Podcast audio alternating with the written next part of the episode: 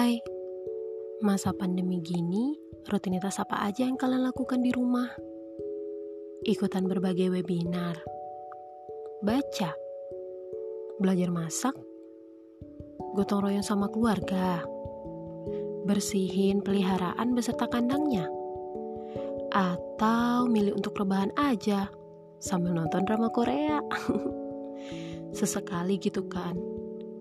Ya capek juga tiap hari kerja, walau dari rumah. Atau tukeran kabar sama teman-teman. Eh pada kangen gak sih sama mereka? Pengen makan dan cerita bareng gitu. Cari jajanan, terus cerita deh sambil makan. Ketawa ketiwi sambil bicarain hal yang kadang dirasa gak perlu. Duh, ngerasa kayak udah lama banget gak ketemu. Iya, tapi gimana ya? thank you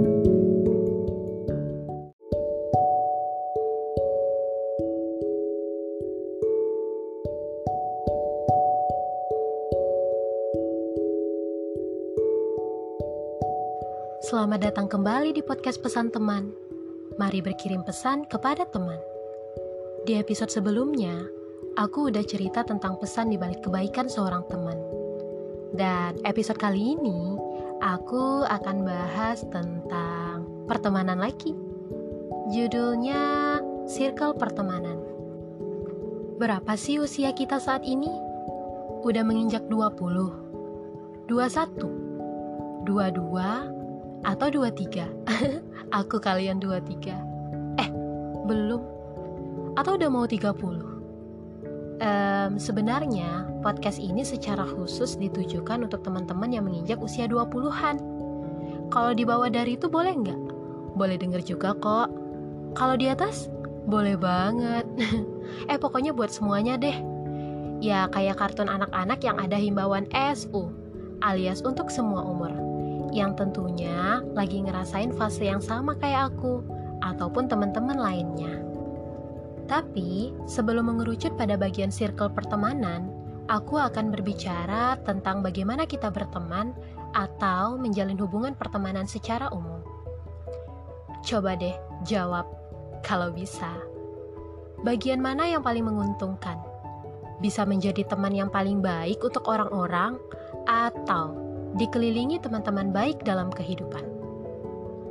Pertanyaan ini pernah kuutarakan melalui Instagram storyku di sorotan live episode 2. Dan sebenarnya, pertanyaan ini hanya sebentuk pertanyaan yang mengecoh. Kenapa mengecoh? Ya, karena sejatinya dua-duanya harus sejalan kan? Jika punya banyak teman yang baik, maka kita pun harus bisa menjadi teman yang paling baik bagi orang lain. Ini bukan tuntutan, ini hukum alam, katanya. Sejauh ini, ada berapa banyak teman yang kamu miliki? Mau coba hitung? Dimulai dari teman masa ingusan deh, waktu belum bisa baca dan tulis. Terus naik tingkatan, ke teman TK, teman SD, SMP, SMA, dan kuliah. Belum lagi teman ngaji, teman komunitas, dan rekan kerja, bagi yang udah. Terus, hal terbaik apa yang udah kalian lakukan buat teman-teman? Um, kalau aku, meskipun selalu berganti circle pertemanan, tapi hal baik yang selalu coba aku lakukan adalah untuk mengingat siapa aja teman yang kupunya selama ini. Mulai dari teman makan, teman tidur, teman main, teman nangis, teman berjuang, ataupun teman belajar, dan teman-teman lainnya. Kalau teman hidup, ya belum masih tahap mendoakan. Dan aku harap mereka semua juga begitu, mencoba untuk mengingatku. Manusia dalam hidup pada dasarnya diciptakan memang bukan untuk sendirian. Ya karena manusia emang gak mampu hidup sendirian. Rame aja bisa kesepian deh beneran, apalagi sendirian. Kita itu ada saatnya membutuhkan orang lain untuk berbagi cerita suka maupun duka Ya walaupun pada hakikatnya hanya kita yang mampu mengerti dan mengendalikan diri kita sendiri. Dan kurasa aku pun begitu. Memiliki teman yang baik tentunya menjadi kebahagiaan tersendiri. Makanya kita itu diciptakan Tuhan berbangsa-bangsa dan bersuku-suku agar bisa saling mengenal. Lebih dari itu, bisa saling mengingatkan. Dan aku semakin ke sini semakin percaya bahwa pertemanan adalah keindahan hubungan manusia yang patut dijaga karena merupakan manifestasi dari konsep silaturahmi yang juga diajarkan di dalam agama dan pastinya selalu mengacu pada kebaikan kita. Oke, sekarang kita masuk pada bagian circle pertemanan. Kamu sedang berada di circle pertemanan yang seperti apa? Semakin membesarkah atau justru semakin mengecil? Dalam berteman, contohnya saat masuk perguruan, ada yang namanya pertemuan awal. Kita berkenalan layaknya orang yang baru dan berbincang tentang hal-hal kecil. Bisa aja dimulai dari, "Eh, anak mana? Nama kamu siapa?" Wah, kamu suka warna biru juga ya? Namanya juga baru kenal ya kan? Hingga waktu terus berjalan, kita masuk pada tahap saling bertukar cerita, berkeluh kesah, dan berbagi kesedihan, juga kebahagiaan. Banyak hal yang dilakukan bersama, berangkat sekolah atau kuliah bareng, makan bareng, nonton, pokoknya banyak hal deh yang kita lakukan bareng teman-teman, meluangkan waktu sejenak dari kesibukan masing-masing. Sementara waktu berjalan, pada akhirnya, kita pun akan dihadapkan pada perpisahan dan kembali melanjutkan perjalanan kehidupan. Tentunya dengan circle pertemanan yang terus mengalami perubahan, entah itu pergantian, penambahan, atau justru pengurangan. Nah, tapi di sini aku akan mengerucut kepada pembahasan terkait mengecilnya circle pertemanan. Makanya tadi aku bilang, ini ditujukan untuk kita yang berumur 20-an Ya, karena lebih dominan merasakan fase ini sih. Bagi kita yang sedang berada di fase ini, mungkin merasa ada banyak orang yang datang dan juga pergi gitu aja dalam dunia pertemanan. Kemudian, kita mulai terbiasa menikmati rutinitas, seperti bertemu seperlunya, cerita secukupnya, dan menanyakan kabar seadanya. Tapi, kita nggak perlu heran sih, karena teori pertemanan bilang, jika semakin tua usia kita, maka akan semakin sedikit pula teman yang kita miliki. Aku juga pernah baca seorang psikolog namanya Dr. Suzana, seorang penulis buku juga. Dia bilang, penurunan pertemanan itu akan terus berlanjut seiring dengan bertambahnya usia.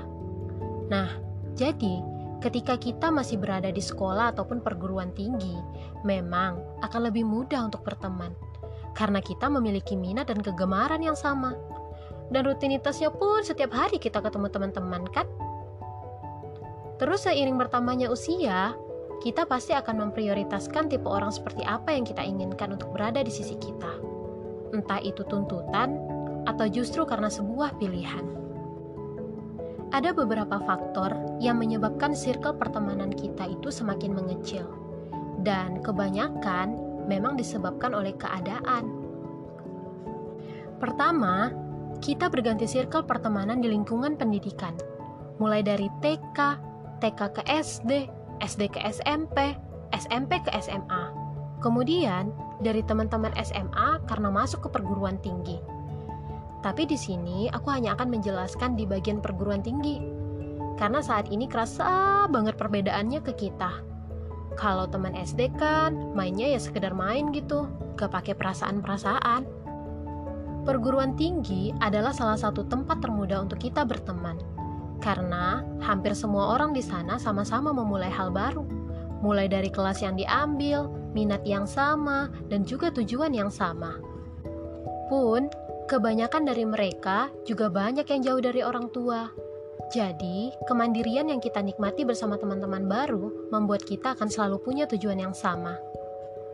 Di circle pertemanan kampus juga banyak lagi cabangnya. Ada yang anak organisasi, nyamannya sesama mereka aja. Yaitu karena tuntutan yang membuat mereka harus terus bekerja sama. Belum lagi yang teman seperskripsian dan teman-teman lainnya.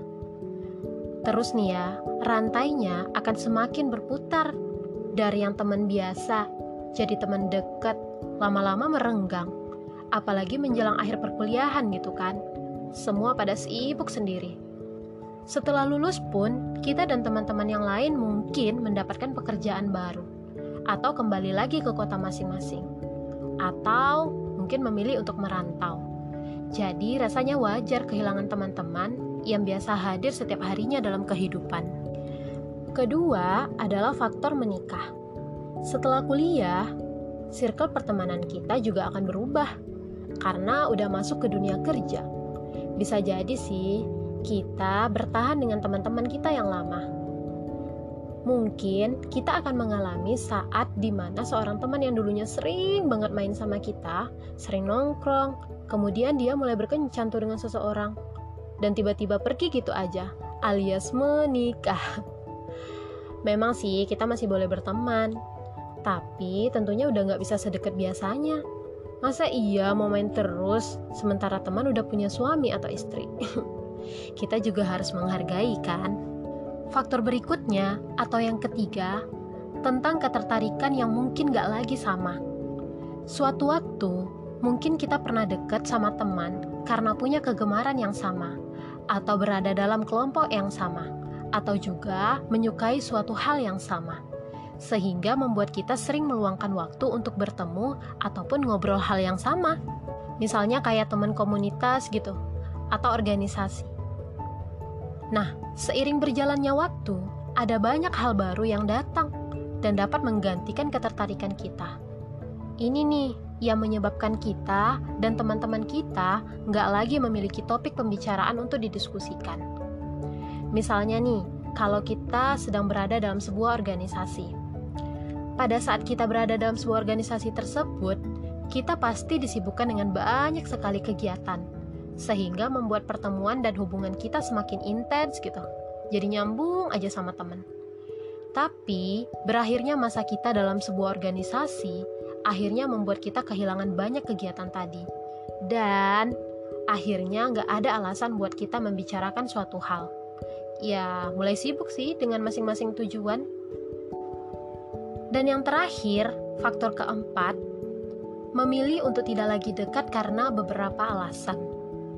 Hmm, alasan keempat ini mungkin merupakan alasan yang kuat mengapa circle pertemanan kita semakin mengecil Tentunya setelah faktor pendidikan tadi ya. Pernah nggak merasa kalau kadang kita itu gemes banget sama temen? Kayak semakin dewasa, kita akan semakin mahir untuk menilai karakter dari teman-teman kita. Dengan lebih mengenal karakter mereka, maka akan semakin memudahkan kita untuk menentukan mana sosok yang mampu membawa manfaat yang lebih banyak dibandingkan hal-hal negatifnya. Misalnya nih, pernah nggak kamu curhat ke teman kamu, terus teman kamu lama-lama kayak udah mulai kehilangan afeksinya ke kita. Malah sering respon, ah lebay banget sih, ih kok baperan, dicengeng deh, dan sering sekali menyalahkan kita. Makanya kemarin itu harusnya gini, jangan gitu. Udah nyebelin ya. Nah ini bisa jadi pertemanan kita udah mulai gak sehat sekarang kerennya kita sebut dengan toxic friend. Ya ini semacam istilah teman yang akhirnya lebih sering memberikan efek negatif ke kehidupan kita. Menjalin hubungan dengan toxic friend begini bukannya bikin kita happy, malah makan hati. Dan karena kita orangnya seganan, kita malah gak bisa bilang. Akhirnya kita memilih untuk meninggalkan. Mungkin, mungkin ya, orang-orang seperti itu sebenarnya nggak berniat melukai perasaan kita. Tapi, kalau kita merasa dirugikan dan selalu merasa tersakiti, ya berarti kita dong. Akhirnya kita memilih teman seperti apa yang layak untuk berada di sisi kita.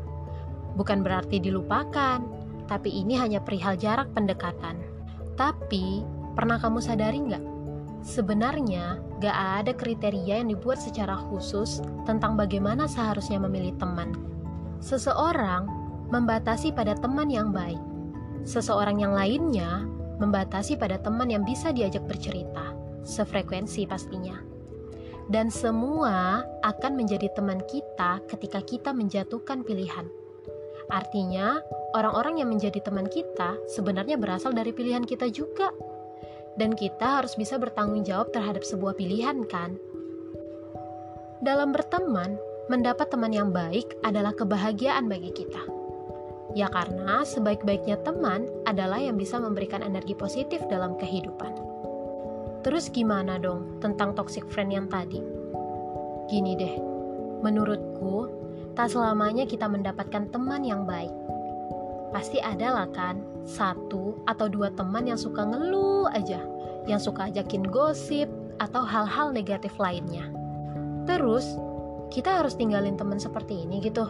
Oh, kita nggak mesti terus ditularkan kebaikan. Pernah nggak sih dengar kata pepatah, kalau kita berteman dengan penjual parfum, maka kita akan kecipratan harumnya. Artinya, kita sedang berperan sebagai teman si penjual parfum, kan? Lalu, ketika kita ngerasa punya teman yang memberikan dampak negatif tadi, ya kita harus tukar peran jadi penjual parfum. Semacam gantian, kita lagi yang nyebarin harumnya. Artinya, kalau kita nggak mendapatkan kebaikan dari teman tadi, ayo deh kita bantu mereka untuk berada di jalan kebaikan. Tapi dengan catatan, jangan sampai kita duluan yang terpengaruh ke hal negatif. Memang, ketika kita memiliki teman yang baik dan suatu saat kita kehilangan dia, kita hanya akan kehilangan jiwanya, tapi tidak dengan kebaikan yang ditularkannya. Begitu juga kalau kita memberikan kebaikan kepada teman, teman hanya kehilangan jiwa kita, tapi mereka tidak akan kehilangan kebaikan yang kita tularkan. Intinya semangat. Tapi kalau kita memang benar-benar gak mampu lagi untuk melakukan hal tersebut, gak masalah kok untuk memangkas circle pertemanan itu, karena kita harus bisa menemukan kedamaian dalam berteman. Dan pesan teman hari ini adalah mengecil bukan berarti melupakan hal yang lumrah kalau kita akan kehilangan satu persatu teman kita, ataupun sebaliknya, karena beberapa faktor yang tadi. Ada yang dipisahkan oleh jarak dan waktu, ada yang karena menikah, ada yang tidak sepemahaman, atau mungkin tidak punya satupun hal untuk dibicarakan. Tapi itu semua bukan berarti membuat kita mudah melupakan, karena kehadiran teman, meskipun sebentar, ataupun sedikit pasti selalu menyimpan kesan. Setidaknya, kehadiran mereka bantu hari-hari kita terus berjalan. Ini yang namanya kehidupan dalam pertemanan. Bagaimana hubungan kita dengan orang-orang? Berjalan sendirian, bersisian, bertahan, kemudian saling meninggalkan. Terus, masing-masing sambil berjalan lagi, kemudian bersisian lagi dengan orang-orang yang lainnya dan begitu seterusnya.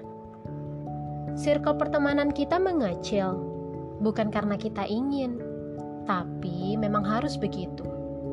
Kita pun masing-masing punya tujuan untuk sebuah kebaikan. Jadi jangan merasa asing. Selalu luangkan waktu untuk mendoakan kebahagiaan teman. Karena kalau kita mendoakan kebaikan seseorang, malaikat juga akan mendoakan kita.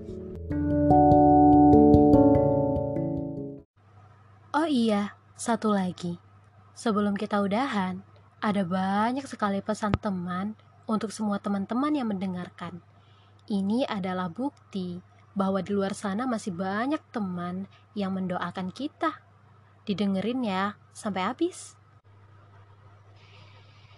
Halo teman-teman semuanya, terima kasih buat kalian yang sudah mau berteman dengan aku. Sekarang kita udah berjauhan, kita punya kehidupan masing-masing. Tapi ingatlah, kita punya kenangan di sini. Terima kasih. Hai teman-teman, hari ini hujan. Kemudian mendaras layaknya kenangan kita yang kian membekas. Semoga jarak yang meraja tak membuat kita lupa untuk selalu melangitkan doa ya. Hai teman-teman, apa kabar? Apa pun kabar kalian, Jangan banyak mengeluh ya. Dan terima kasih sudah mau berteman denganku yang banyak mengeluh ini. Hei. Hei teman, aku bangga mengenal kalian.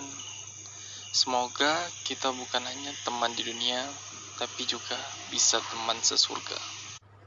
Teman-teman semua, meski aku tak banyak terlibat dalam dirimu, dan mungkin saja aku terlihat sama sekali tak pernah membantumu. Tapi percayalah, Aku selalu mendoakan yang terbaik terjadi padamu. Dan aku sangat menyayangi kamu dan kalian semua yang berada di sisiku. Hai teman-teman semua, di mana pun kalian berada, semoga selalu sehat ya. Kalian tahu lingkaran gak sih? Iya, itu bangun datar yang tiada ujungnya. Nah, sama nih dengan pertemanan kita. Meski jarak sudah menjauhkan, tetap muka tak lagi keseringan, bahkan untuk canda tawa pun terbatas dalam jaringan. Tapi tenang, masih ada satu yang bisa kita lakukan, yaitu menghantar doa untuk dilangitkan. Semoga pertemanan kita kekal hingga keabadian. Hai teman-temanku yang hatinya cantik, baik, dan rajin menabung. Apa kabar hari ini? Senang atau sedih? Ah, apa pun itu, jangan lupa bersyukur ya. Kalimat ini adalah diriku.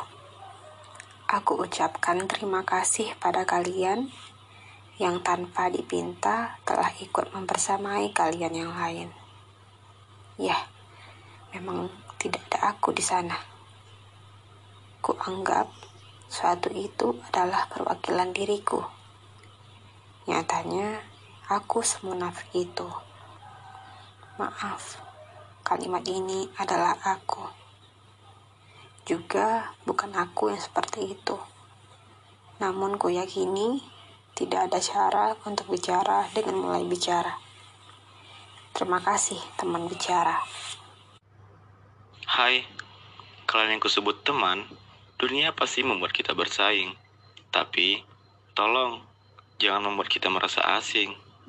Halo teman-teman, maaf ya karena aku sering banget gak bisa diajak ketemuan. Suatu saat nanti, kalau kita sama-sama gak sibuk, janji ya harus ketemuan. Ditunggu loh. Hai teman-temanku, secantik apa wajahmu sekarang? Kalau kita telah lewati perpisahan, rindu akan mengantarkan kita di jalan pertemuan. Tetaplah cantik hingga kita bertemu kembali.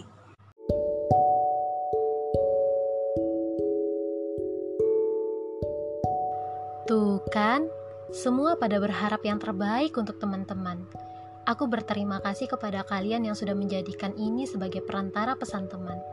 Karena aku percaya, setiap orang memiliki cara tersendiri untuk berkomunikasi dengan teman. Dan melalui doa merupakan cara komunikasi terbaik yang mampu disampaikan melalui Tuhan. Ingat, meninggalkan bukan berarti melupakan. Jika ditinggalkan karena keadaan, kita bisa terus mendoakan. Jika ditinggalkan karena sikap dan kepribadian, artinya kita diberikan ruang untuk terus melakukan perbaikan. Kita gak selamanya akan hidup berdampingan dengan teman. Mereka juga butuh ruang untuk mencapai tujuan kehidupan. Semoga semakin ke sini semakin sadar ya dengan arti sebuah pertemanan. Hargai setiap momen yang kita miliki terhadap circle pertemanan kita yang sekarang. Teruslah menebar kebaikan sebelum kita berganti circle pertemanan. Udah dulu ya, udah banyak kan pesan teman hari ini? Dan ucapkan terima kasih kepada teman atas waktu dan apa pun yang selama ini kalian dapatkan dari mereka.